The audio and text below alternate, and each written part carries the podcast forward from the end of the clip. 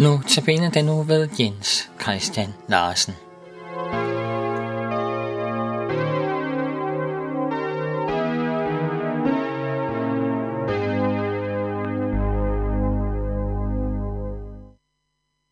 Jeg læser fra Johannes evangeliet, kapitel 13. Det handler om fodvaskningen. Og mens de holdt måltid, Djævlen havde allerede sat sig for, at Judas Simon, Iskariots søn, skulle forråde ham, og Jesus vidste, at faderen havde lagt alt i hans hænder, og han var udgået fra Gud og gik nu tilbage til Gud.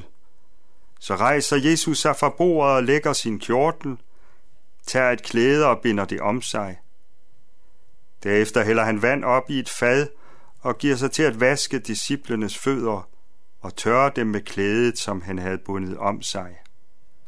Han kom så til Simon Peter, og Peter sagde til ham, Herre, vasker du mine fødder? Jesus svarede ham, Hvad jeg gør, fatter du ikke nu, men senere skal du forstå det. Peter sagde, Aldrig i evighed skal du vaske mine fødder. Jesus svarede, Hvis ikke jeg vasker dig, har du ikke lod og del sammen med mig. Simon Peter sagde til ham, Herre, så ikke kun fødderne, men også hænderne og hovedet. Jesus sagde til ham, Den, der er badet, behøver ikke at få vasket andet end fødderne, men er ren over det hele. Og I er rene, dog ikke alle. Han vidste nemlig, hvem der skulle forråde ham. Derfor sagde han, I er ikke alle rene. Jesus er på vej til korset, men inden da vil han vaske sine disciples fødder. Det lyder underligt. Jesus er pludselig blevet disciplenes tjener, og Jesus vil slet ikke rette sig efter Peters protest. Jesus vil gå i disciplenes sted. Det er det, Jesus vil. Ofre sig for disciplene ja i vores sted. Jesus vidste godt, at hans time var kommet, at han snart skulle dø. Det vidste han godt, og så sagde han, hvad jeg gør, fatter du ikke nu, men senere skal du forstå det.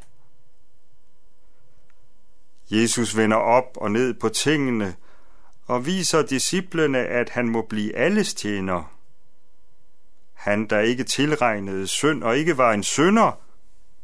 Han levede Guds vilje i alt, hvad han gjorde, for at han som den retfærdige kunne dø for uretfærdige.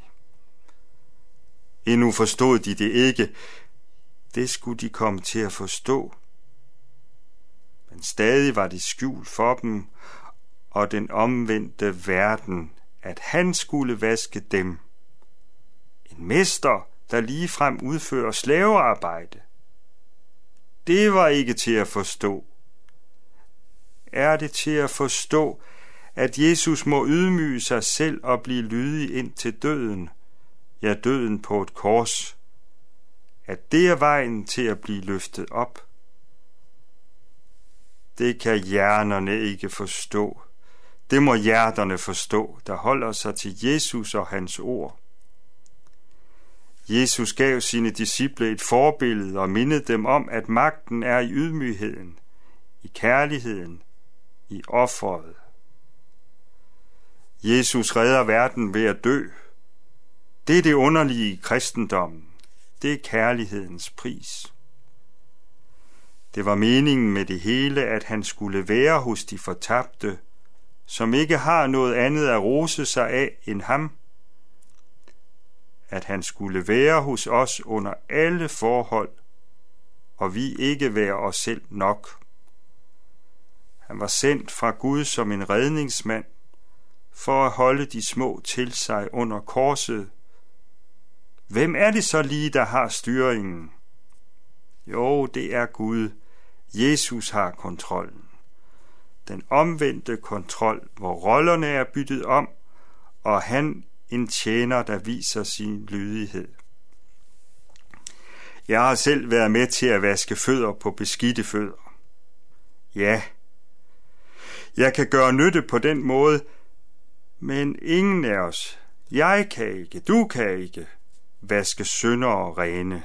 Det kan kun Jesus. Men han er også villig til at gøre det, så det hjælper, så det renser, så det frelser. Ja tak, Jesus, fordi du er villig til at ofre dig for os. Amen.